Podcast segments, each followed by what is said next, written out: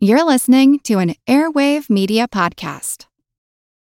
When you need mealtime inspiration, it's worth shopping Kroger, where you'll find over 30,000 mouthwatering choices that excite your inner foodie. And no matter what tasty choice you make, you'll enjoy our everyday low prices, plus extra ways to save, like digital coupons worth over $600 each week. You can also save up to $1 off per gallon at the pump with fuel points. More savings and more inspiring flavors make shopping Kroger worth it every time. Kroger, fresh for everyone. Fuel restrictions apply.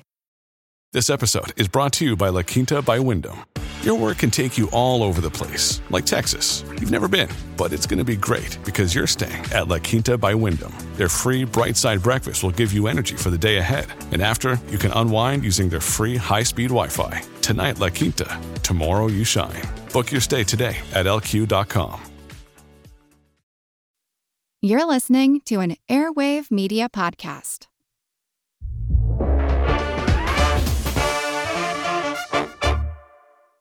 Welcome to the Wild Black Podcast, your safe space for all the moments the great ones, the bad ones, the unbelievable ones, and the you gotta be kidding me ones. Wild Black brings on a different and dope guest every single week just to teach you, inspire you, entertain you, and simply make you better.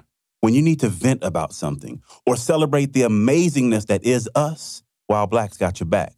Do yourself a favor and ride with us anywhere you listen to podcasts. But go hit that play button. The Old West is an iconic period of American history. I'm Chris Wimmer. Join me on the Legends of the Old West podcast to hear the true stories of lawmen like Wyatt Earp, Bass Reeves and the Texas Rangers, outlaws like Jesse James and Butch and Sundance, and Native American battles of the Lakota, Comanche, and Apache. We use cinematic storytelling and sound design to bring these stories and many more to life. Subscribe for free on Apple Podcasts, Spotify, or wherever you're listening now. Behind the scenes in Silicon Valley, Reid Hoffman, founder of LinkedIn and partner at Greylock, is a sought after advisor to heads of companies and heads of state. On each episode of his podcast, Masters of Scale, he sits down with a guest from an all star list of visionary founders and leaders, digging into the surprising strategies that power their company's growth. Now, in his new book, Masters of Scale Surprising Truths from the World's Most Successful Entrepreneurs, Hoffman draws on their most riveting and revealing stories, as well as his own experience as a founder and investor, to distill the secrets behind the most extraordinary success stories of our times. Here, Hoffman teams up with Masters of Scale's executive producers, June Cohen and Deron Triff, to offer a rare window into the entrepreneurial mind, sharing hard won wisdom from leaders of iconic companies, including Apple, Nike, Netflix, Spotify, Starbucks, Google, Instagram, and Microsoft as well as the bold, disruptive startups such as 23andMe, TaskRabbit, Blacklist, and Walker & Company that are solving the problems of the 21st century. And on today's podcast, I sit down with Reid Hoffman and June Cohen, who is also the co founder and CEO of the podcast network WaitWhat, to talk about the entrepreneurial mindset, the keys to blitzscaling your way to success, and the underrated importance of a company's culture. Plus, they explain the value of embracing resistance, the various kinds of no's that one hears in a VC meeting, the difference between a good no and a bad no, and the time Reid said no to a startup when he should have said yes. Coming up with the Masters of Scale, Reid Hoffman and June Cohen, in just a moment.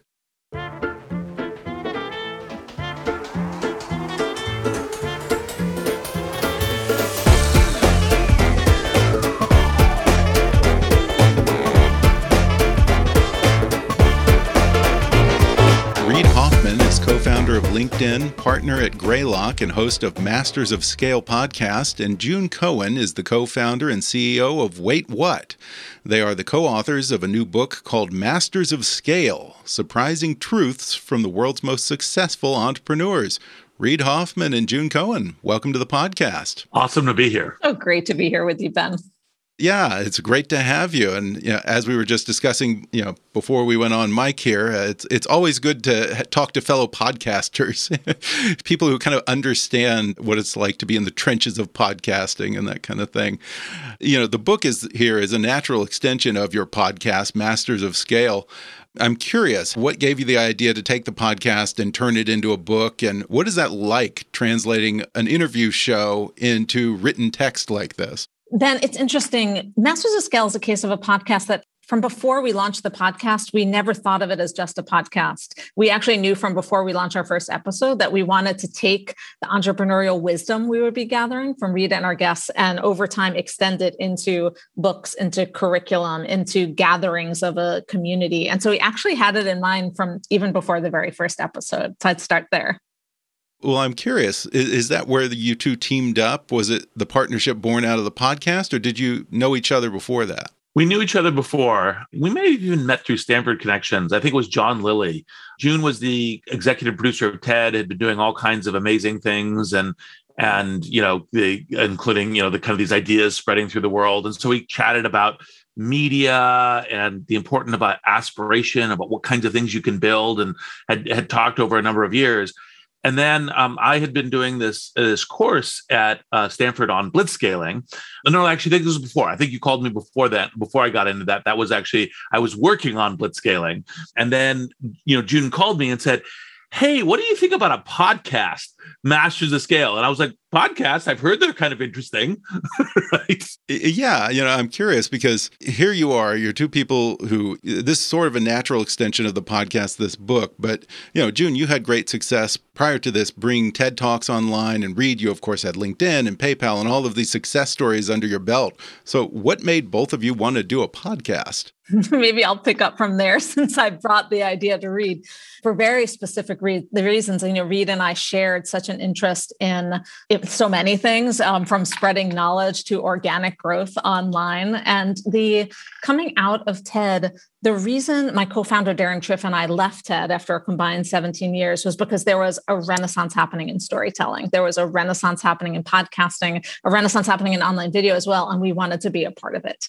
And when we launched our new company, WaitWhat, the first question we asked ourselves is we asked two questions: What community would really welcome a podcast? And the first community that came to mind was entrepreneurs because they are so hungry for wisdom and it matters to them every day. And the second question we asked ourselves, independently independently of that is who should host a podcast, not just in business, but generally? Who deserves an even bigger platform in the world? Who will people want to spend time with?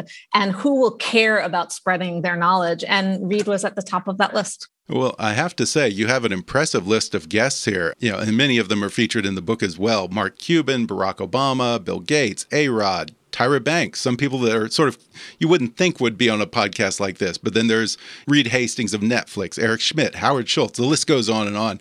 You know, and many of them are f- prominently featured in the book, as I mentioned. But uh, I wonder when you sit down with a founder to pick their brain, what are you usually looking for? What do you want to get out of them? Well, the thing that I think is most essential is that when someone has run this path, there are key mindsets, key tools, key insights that they have done in order to be successful. There's so many ways to fail in entrepreneurship and in trying to get to scale that that's the reason why you look for the possible patterns and tools of success that people you know everyone in the world can use as possible uh, lessons possible stories possible emotional connections and so you're looking for that thing that is kind of the unique you know kind of insight journey perspective uh, lessons, you know, kind of grit from this person. And so you're looking for the magic from them. So it's not it's not like oh we're trying to tell the complete story. This is the complete story of Tyra Banks. This is the complete story of Franklin Leonard. This is the complete story of Arianna Huffington. It's, we're not trying to to say that. What we're trying to say is here is a really important thing that this person has learned and developed and is worth everyone knowing. Um, and so it's the magic of them.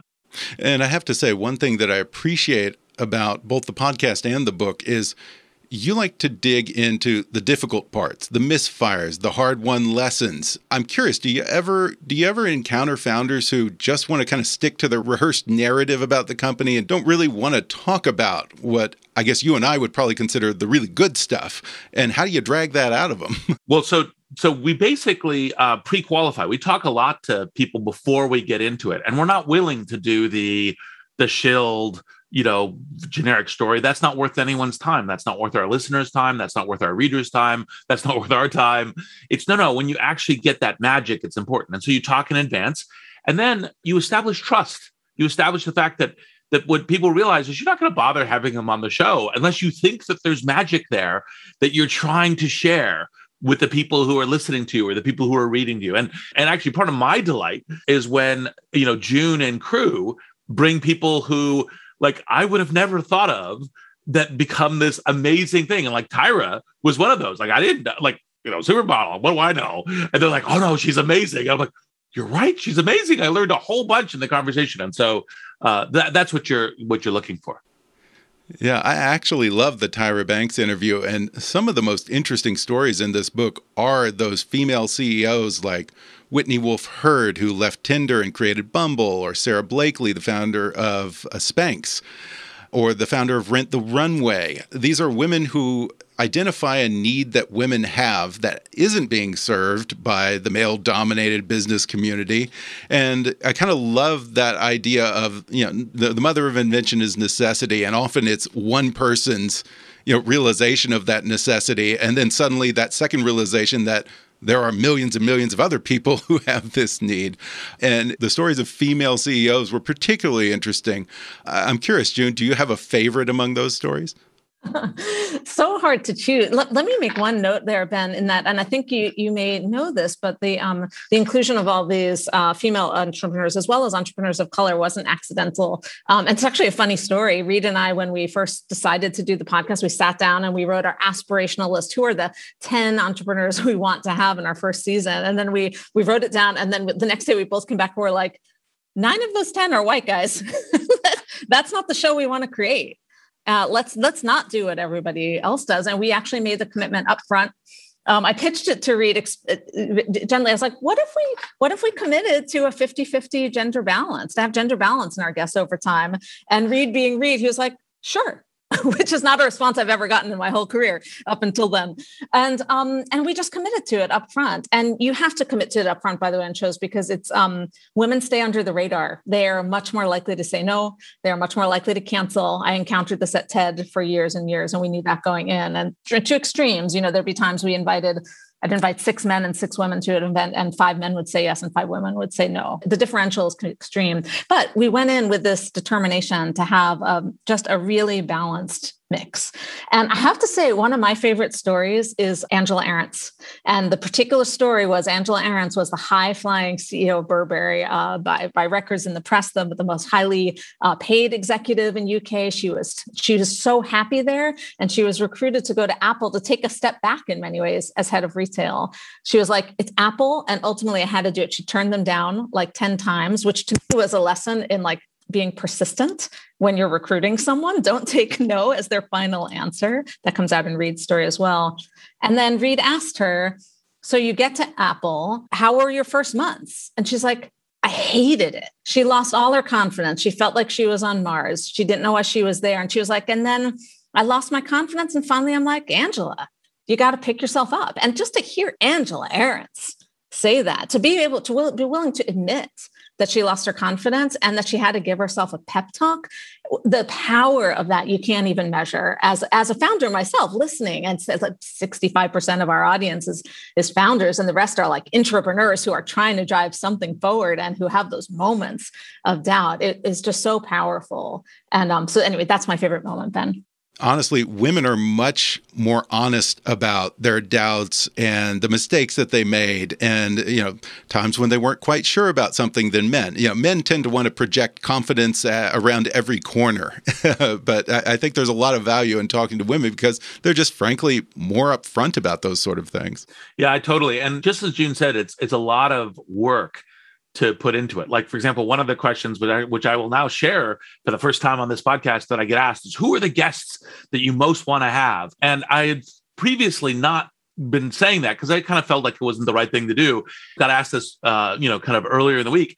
And like Rihanna we'd love to have Rihanna. And we just trying to figure out how do we make that bridge happen.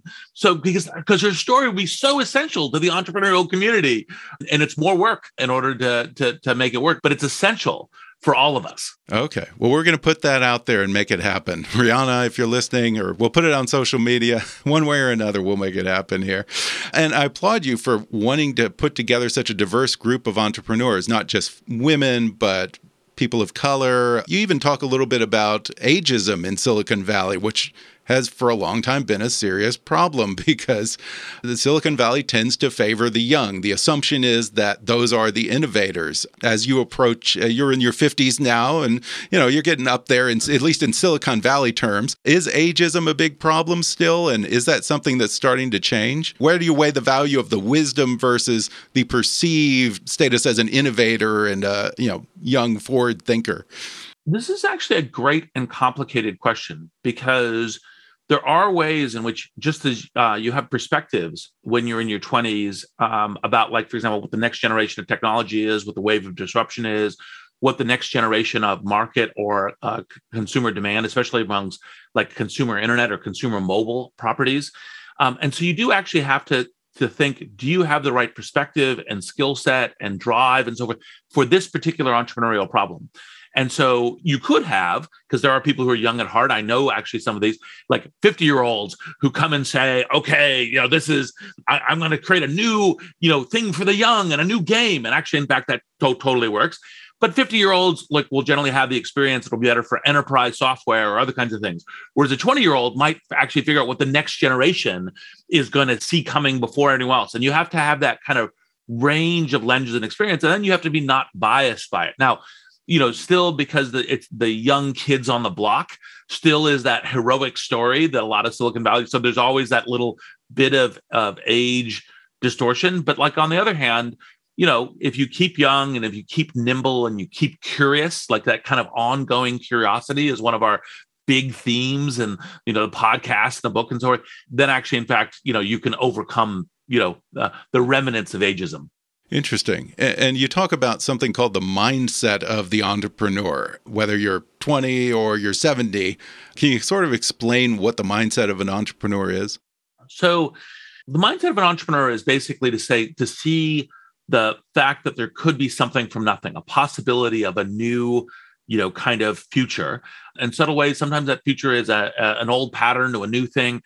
And then the willingness and the disposition to action. So one of the things that I a phrase I use this is jump off a cliff and assemble an airplane on the way down, which is look, you're not going to pre-plan it too much. You, you know, just try to assemble some resources. You try to validate, like, hey, will I be able to assemble a plane? Probably, right? You wouldn't know for certain. Certain. It's you know worth some of that, but then you just go and you learn as you go and you iterate, you pivot, you change, and and that predisposition to go create this future and willingness to take a certain amount of risk, jumping off a cliff, not having the plane assembled.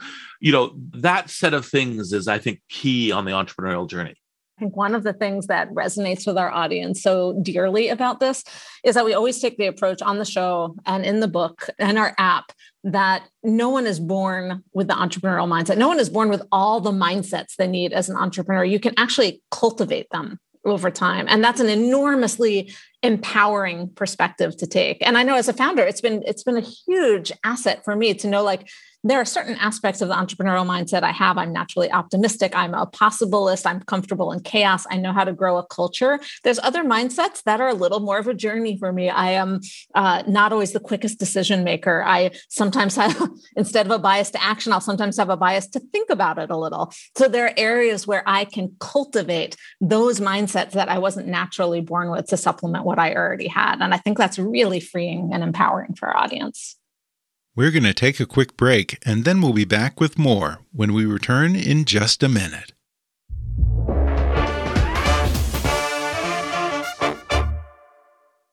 Hey, this is Mark Bittman. You might know me from How to Cook Everything or the New York Times or the Bittman Project. I cover all things food, from cooking to gardening to fabulous ingredients to junk food, health, sustainability. You might say I'm obsessed with everything about food. And that's why I've started a podcast called, appropriately enough, Food. Each week on Food, I'll sit down with a different guest, ranging from Samantha Irby to Tom Colicchio to Ted Danson, We'll talk about cooking, eating, and how food affects us all. We'll talk recipes, ingredients, how to shop, what to cook tonight. Food is the one substance that connects everything to everything else, and it connects us all. Not only can we not live without it, not only does it determine much of what goes on in the world, but we love it. So subscribe now to Food with Mark Bittman on Apple Podcasts, Spotify, or wherever you get your podcasts. Curious about the nuts and bolts of the stock market? It's not just for finance types anymore. Take it from a couple of regular guys, Dave and Andrew, who taught themselves about investing and teach it all on the Investing for Beginners podcast. Start with their Back to Basics series on episode 43 and use that knowledge to design your better financial future today. There's no such thing as a born entrepreneur. Everything is kind of learned along the way, really. But are there are there people who just at least seem to have that innate entrepreneurial spirit? Well, I think there's certain characteristics that are essential. So it's nature and nurture. It's never these kind of false dichotomies. And some of them, for example, is you have to have a certain amount of tolerance for chaos. You have to have a certain amount of tolerance for risk or for failing and playing again. And if you literally have zero tolerance to that, the entrepreneurial path is very, very difficult because it's pioneering, it's venturing into the unknown. And there are unknown unknowns when you go into it. And in actually, this is actually one of the things that June, who, you know, convinced me that I could be talent. I never would have thought that I was talent in any universe of the world you know kind of showed me about what was important about what we were doing in in, in masters of scale was that there's a key thing that naturally it's like problem solving, the lenses, the the tools in order to solve this, but also the companionship and the energy and the the narrative story of these journeys is actually in fact uh, very helpful too because you need to have that persistence into the unknown. Like one of the things I tell my entrepreneurs who I invest in is say every startup has multiple valley of the shadow moments where you're like, why did we ever think this was a good idea? Like, oh my God, the world's clumbering around us. We're on the ship, it's sinking. We don't know how to fix the ship. And actually, in fact, everyone has that. And not everyone gets through it. You have to be willing to like, oh, this boat sinks and I get on the next boat, right?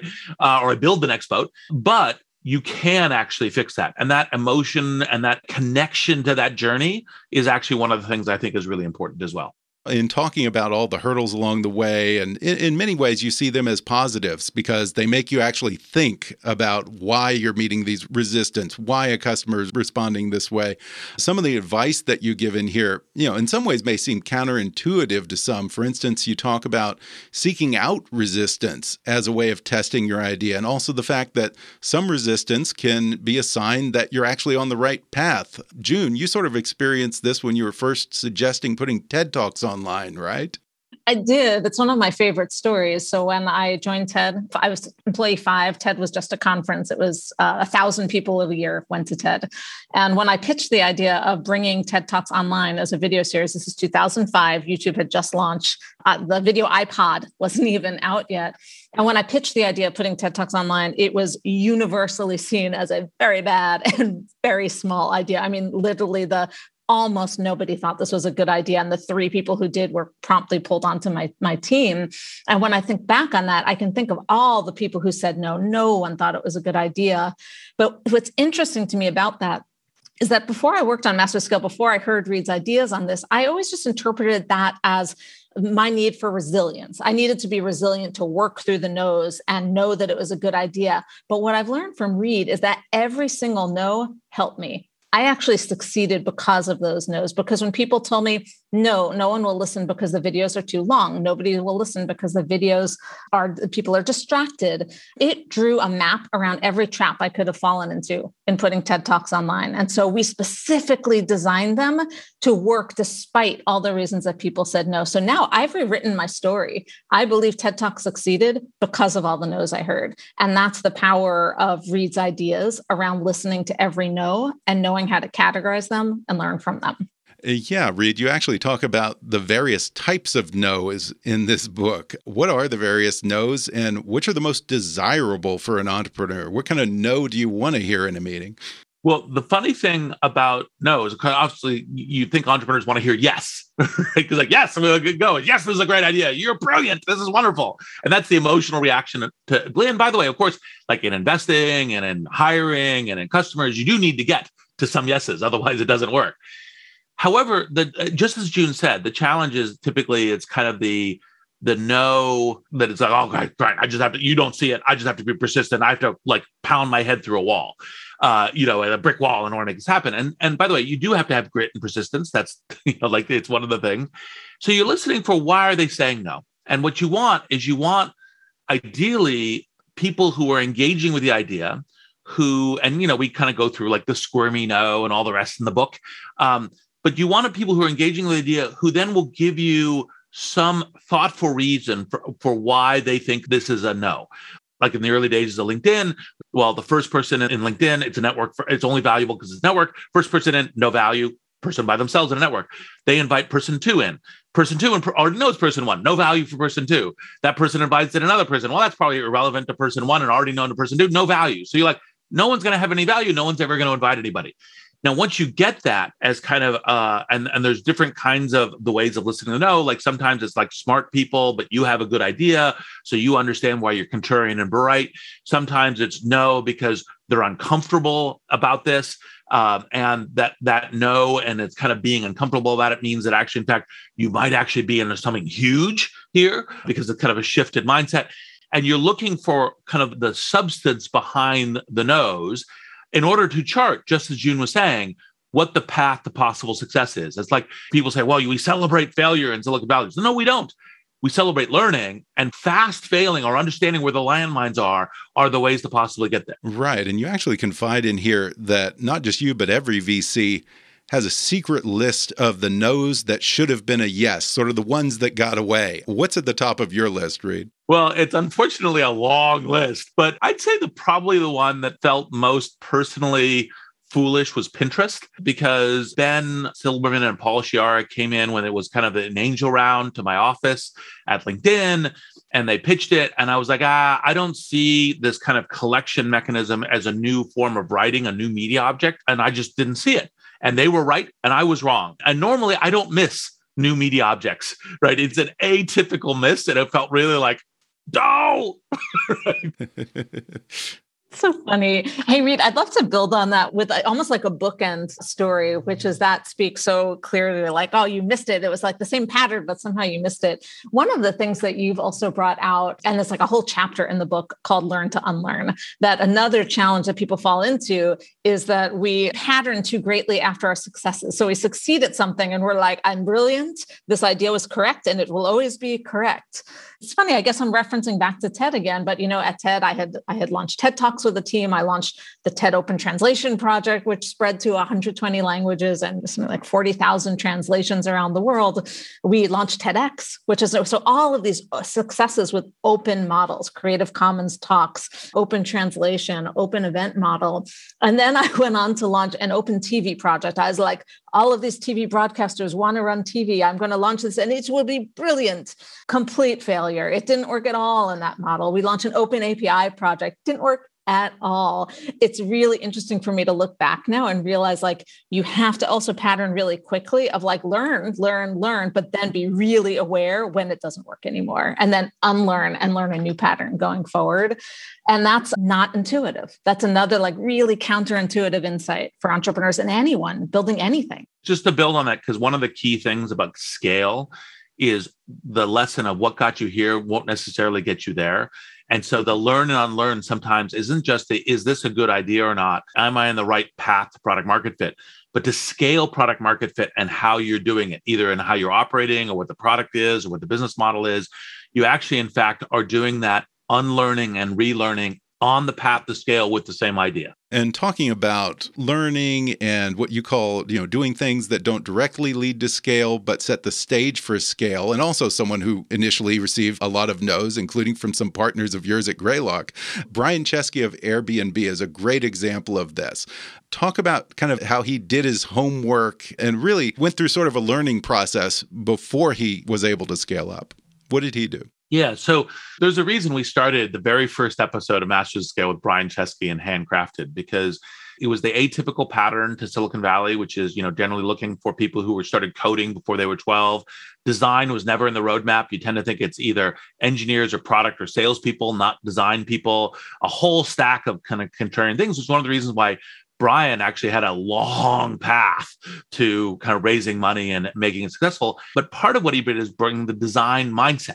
And that design mindset is something that, you know, part of the reason we opened it was is actually useful to all entrepreneurial and the way to think about. And it wasn't just like people normally think, oh, design of the website. It's like, no, no, design of the experience. And to think about like kind of opening with a what what does 11 out of 10 star design look like? What would be the, oh my God, this is amazing?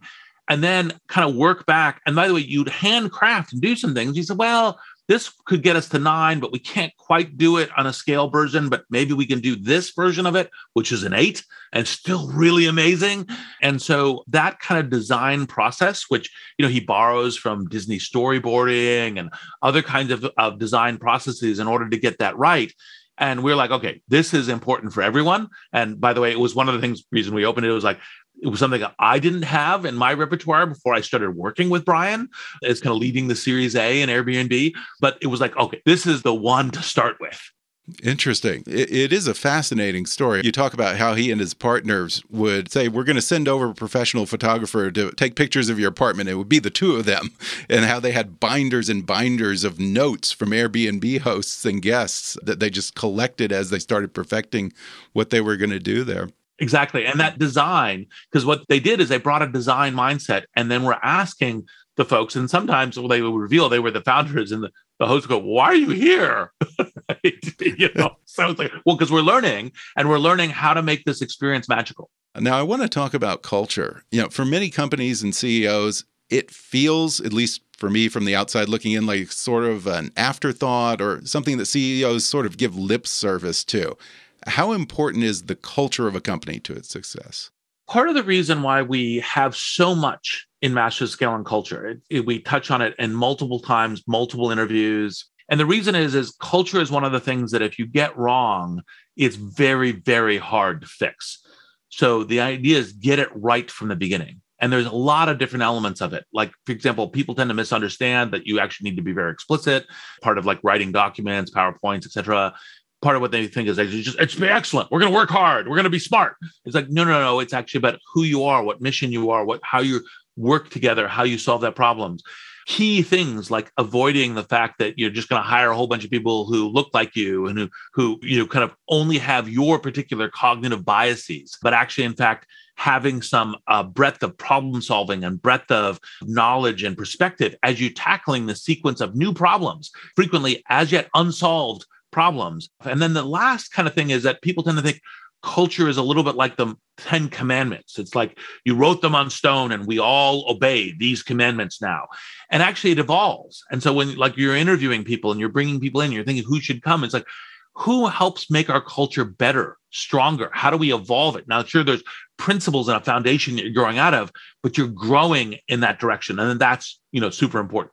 I think, Ben, what entrepreneurs and intrapreneurs will see in the book and here on the podcast are A, the principles Reid mentioned, right? That culture is actually critical to achieving your mission that it cements really early. Like you have to think about it from the beginning, but it also has to evolve. As Reid says, it's not on the 10 commandments. But I think what's so intriguing in the stories in the book is that these are all founders who are at the edge of their field and are inventing new ways into it that are unique to them. So it's not just a sort of a generic listicle of 10 things to think about with culture. It's really specific. Reed Hastings knew his specific challenge was that he was going to launch a DVD delivery service where his engineers would have to figure out how to wrap DVDs in red envelopes that don't break in the mail. And those same engineers would then have to build the pioneering streaming video service. It's completely different skill set. And so he knew that he needed his employees to be first principle thinkers. They needed to think for themselves and they needed to be adaptable and nimble. And he built a culture for that from day one, on like a total opposite end of the spectrum. A legendary culture a legendary one.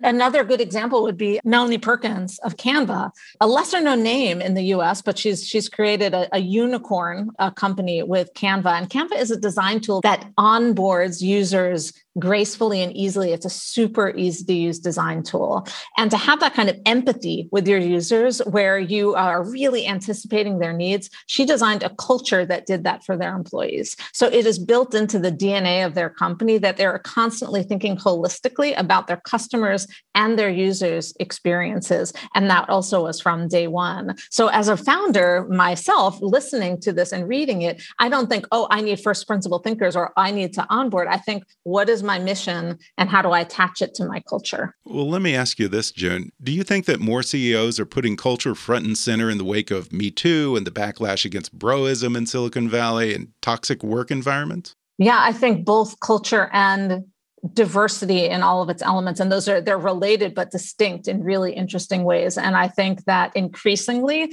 i think that 5 years ago it was not widely known or accepted that either culture or diversity were critical not just to a company's PR record but actually their financial record their ability to succeed. And i think that is much much more commonly understood now which is exciting right? And i the way Reid and i always think about it on the show you know these are things we care about deeply on a personal level and on an ethical level but only if it makes sense on a business level. And so we feel like we at masters of scale have this like really wonderful opportunity to help accelerate history by helping people see the connection between great cultures and great businesses. And Reid, there's something that I kept thinking about when I was reading this book, which is can scale ever be a bad thing? You know, when I look at tech companies like Google and Facebook and Apple who have reached such scale that they now have a big fat regulatory target on their backs, at a certain point does a company need to pump the brakes lest it get swallowed up by its own mass? So I don't think scale as a property by itself is a bad thing. I think there's questions about scaling badly versus scaling well.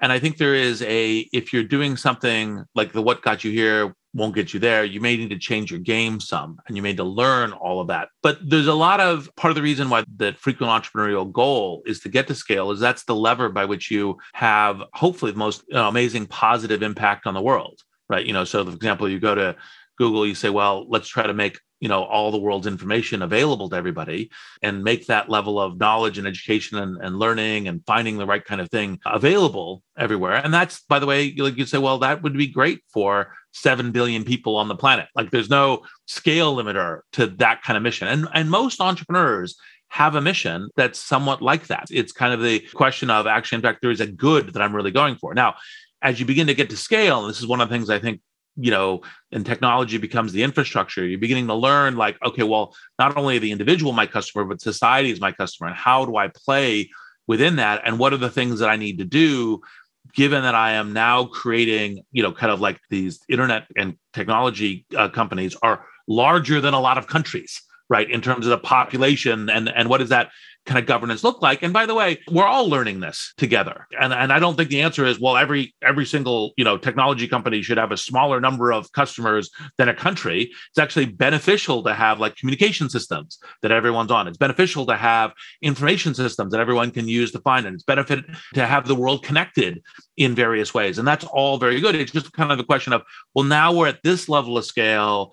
What additional things should be put in to have it be healthy for the individuals and society. And then what's the sorts of decisioning that gets there which is messy because by the way when you look at you know kind of governments and you go well should they be designing it? Well frequently those folks like if you look at the clearly we should be doing infrastructure stuff to help the country. And yet in partisan fighting you know like the infrastructure stuff isn't happening and with the cleanliness it should be. And that's because the government making stuff happen is a complicated political process. So how you sort that out is challenging. Yeah, and I should point out that you talk about scale not just with CEOs, but with other people like politicians and you know nonprofits, and you talk about the importance of scale in addressing other big issues, not just business, but social issues, climate change. This book is not just for entrepreneurs in the traditional sense. You're applying it much more broadly here. So anyone can get some, some benefit from this. And interestingly, you suggest that part of why you did a book like this is that you hope that people will actually read it collectively. I'll ask both of you this. Why? I mean, aside from selling more books, what do you think companies and teams can derive from the collective experience of reading Masters of Scale? There are a couple of things, and one of them is that we know that there are different modes. There are different things that really help people learn, right? First of all, some people are really audio learners and they're really drawn to podcasting. Many people aren't. Many people are actually really visual learners and are more drawn toward the book we know that for most people, learning, and when I say learning, it's not just like learning school learning, but like behavior change, habit change, mindset change happens in groups that we learn from not just taking in information that we're pulling in, but from how we each interpret it. And when you get a group of people together who work together, who are sharing their insights, they will learn as much from each other as they do from the material they're taking in. So that's why we hope with everything. We actually know there are groups and companies that already do this with the podcast. We know there are groups who do that with the app. The book is actually an even more natural form for many people because book clubs have existed for so many years. So we hope that this becomes a communal experience because that's where the learning happens, both between people and people who like turn it into action. Like you don't think your way into a new way of acting, you act your way into a new way of thinking. Just to add to that, the thing that books bring that also helps the group is that a podcast is very structurally a linear format. And so that's great for, you know, you're on your drive, you're on your run, you're, you know, kind of washing dishes or cooking and so forth. And you have that kind of thing. But a group environment is like, well, actually, this thing on page six or this thing on page 83, I thought was really interesting. And, and so being able to move back and forth between it in this kind of, you know, non-linear format actually, in fact, is more amenable to hey we're talking about this together. That's why you have book clubs. And they kind of sit down and say well we all read this book and we're now talking about it as, as going and, and obviously given that these projects and scales always require large teams so talking about it with your team whether your team is you know a nonprofit your team is government your team is a corporation your team is a startup all of those things. And that's part of the facilitating the learning of entrepreneurship and the learning of the how you get to scale is kind of the key thing this is just great. There's so many wonderful insights in this book. Again, it's called Masters of Scale Surprising Truths from the World's Most Successful Entrepreneurs. Reid Hoffman and June Cohen, thanks so much. Thank you. Thank you, Ben. It was great to spend the hour with you. Thanks again to Reid Hoffman and June Cohen for coming on the show. Order their new book, Masters of Scale Surprising Truths from the World's Most Successful Entrepreneurs, at book.mastersofscale.com. Subscribe to Masters of Scale podcast on Apple Podcasts, Spotify, or wherever you like to listen, and follow them on Twitter at, at Masters of Scale, at Reid Hoffman, and at June Cohen. If you enjoyed today's episode, then subscribe and give us a five star rating on Apple Podcasts. Detailed reviews are the best way for new listeners to discover the show. Follow us on Facebook at, at Kickass News Pod and email me with your comments, questions, and suggestions at comments at kickassnews.com. Kickass News is a part of the Airwave Media Podcast Network. Visit airwavemedia.com and check out some of our other shows like Food with Mark Bittman, Movie Therapy, Investing for Beginners, My History Can Beat Up Your Politics, and many others. For now, though, I'm Ben Mathis, and thanks for listening to Kick Ass News.